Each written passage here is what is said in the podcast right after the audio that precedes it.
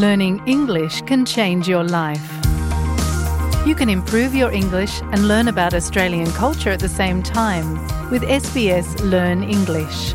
Listen wherever you get your podcasts. أنتم برفقة اس بي اس عربي 24 اكتشفوا المزيد من القصص العظيمة على sbs.com.au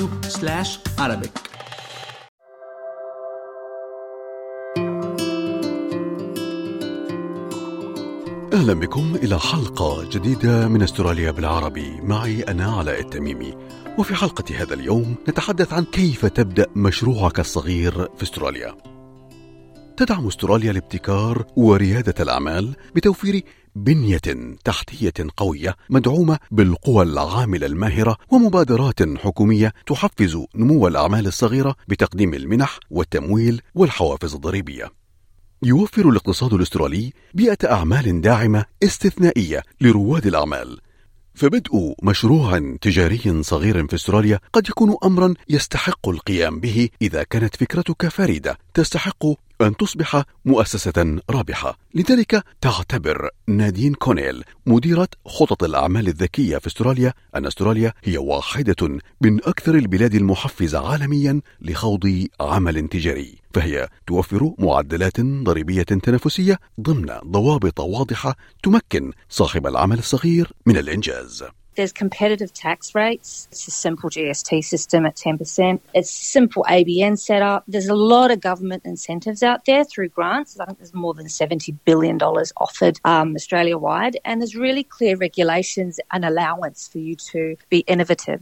فيما يؤكد المحلل الاقتصادي عبد الله عبد الله المقيم في سيدني ان ما يميز استراليا انها تتمتع باقتصاد مستقر وهذا أمر يعتبر هاما لرجال الاعمال والراغبين بالاستثمار our economy grows steadily, except for small period of time during COVID where we saw some recession. However, in the past three decades or so, we've been growing steadily. So this is a good indication, of course.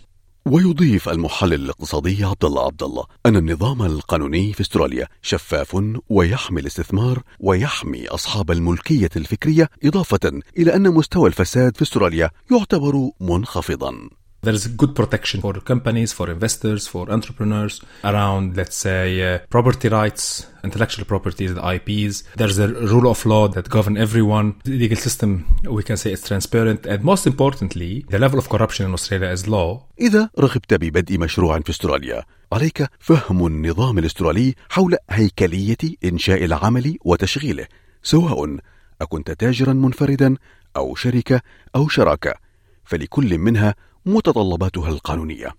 لذلك يقول عبد الله عبد الله إن كل نوع من الأعمال له طريقة تعتمد على ما تحتاجه أنت من إنشاء هذا المشروع.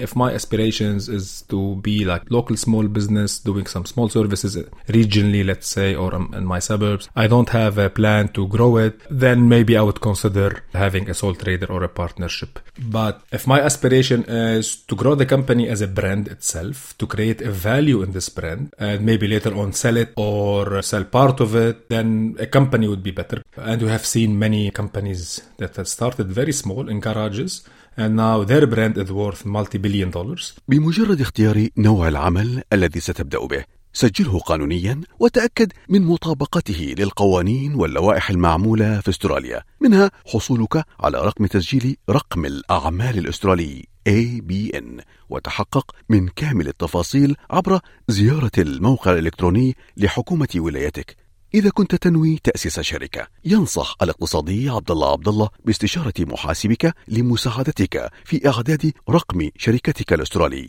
ACN لدى هيئة الأوراق المالية والاستثمار الأسترالية. So it's like a number that would be unique for this particular business or company. This is from, from registration as legalities. Then we have to take tax and considerations. For companies, we have to register a separate tax file number. Remember, for sole traders, the business is linked to their own tax file number. There's no differentiation. But for companies, companies have to have their own TFN. إذا كنت تخطط بتعيين موظفين فعليك استيعاب الاقتطاعات الضريبية المتحققة على الموظفين مع معرفة حقوقهم وواجباتهم الوظيفية كما يقول عبد الله عبد الله.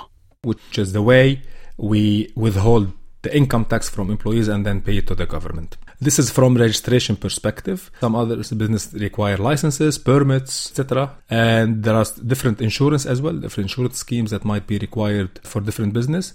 ويؤكد المحلل الاقتصادي عبد الله عبد الله على أهمية فهم المتطلبات القانونية الأخرى التي يجب على رواد الأعمال معرفتها لتجنب أي مخاطر محتملة منها إعداد وثائق التأمين التجاري والتأمينات الأخرى. وفق كونيل General business insurance, there's professional indemnity insurance if you're providing a service, you've got product insurance, you've got, you know, food handling compliance if you're part of that business. So again, it depends on the type of business that you're operating, but everybody will need some level of insurance. Public liability insurance if you're going to have people coming into your, your place of business as well. الجانب الحاسم الآخر الذي يجب مراعاته عند إنشاء عمل في استراليا هو وضع خطة عمل جيدة والتي تعتبر كخارطة طريق لنجاح الكثيرين لبدء هذه الخطوة. أولها دراسة السوق الذي ستعمل به، من هم منافسوك، وإيجاد السوق المناسب لك، وهي الخطوات الهامة نحو النجاح وفق كونيل. researching your market, knowing who your customers are, how big your market is, where you are operating in your location if you have a physical store, what else is out there, who are your competitors, what you're going to be selling your price your products for and who you're selling it to. So if you can be very clear on those components, then you can position your product or service in the market in the best possible way. إذا كنت بحاجة إلى دعم مالي لبدء مشروعك التجاري، فإن أستراليا توفر منافذ متعددة يمكنك التواصل معها. تقول السيدة كونيل إن خيارات التمويل المختلفة المتاحة لرواد الأعمال الجدد متوفرة بما في ذلك المنح والقروض والمستثمرين من القطاع الخاص. There's a lot of grants out there. There's more than $70 billion that the government, in terms of state and local council, have available. Uh, there's private investors as well. That comes down to whether you've got somebody that you know personally that is um, looking to invest in your business, or you can offer equity as well.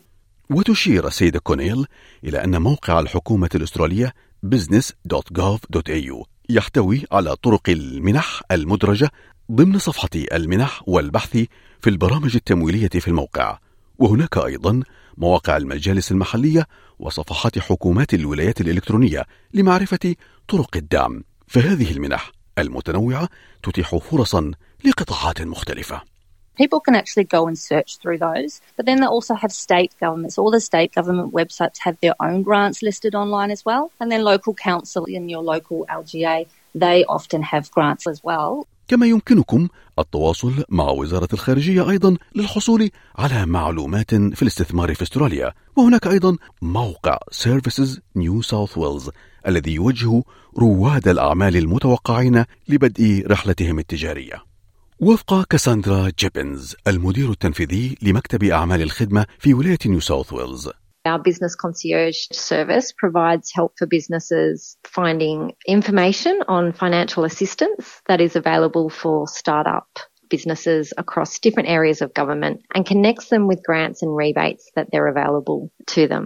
وتضيف أن كل موظف خدمة عملاء سيتحدث مع عملائه ويحدد ما قد يكون متاحا لهم كل حالة على حدة وبناء على ظرف هذه الحالة كما تنصح السيدة كونيل الراغبين ببدء رحلة الحلم نحو عمل تجاري ريادي في استراليا بالبحث والتواصل وإبداع فكرة مؤكدة أن كل عمل ناجح يبدأ بخطوة واحدة. The biggest misconception would be that you have to have a lot of money to do it. You don't have to reinvent everything all at once. You don't have to go from zero to a 100. You can start slowly and invest as you grow. It can be very daunting looking to start a business, and it doesn't have to be if you talk to the right people. Everyone can work together to help that business succeed. هذا التقرير من إعداد مرام إسماعيل وعلاء التميمي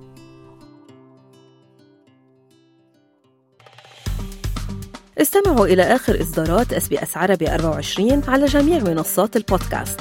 تابعوا بودكاست الهوية في موسمه الثاني الذي يروي قصصا واقعية تعكس تحديات الانتماء التي يواجهها الشباب العربي في أستراليا.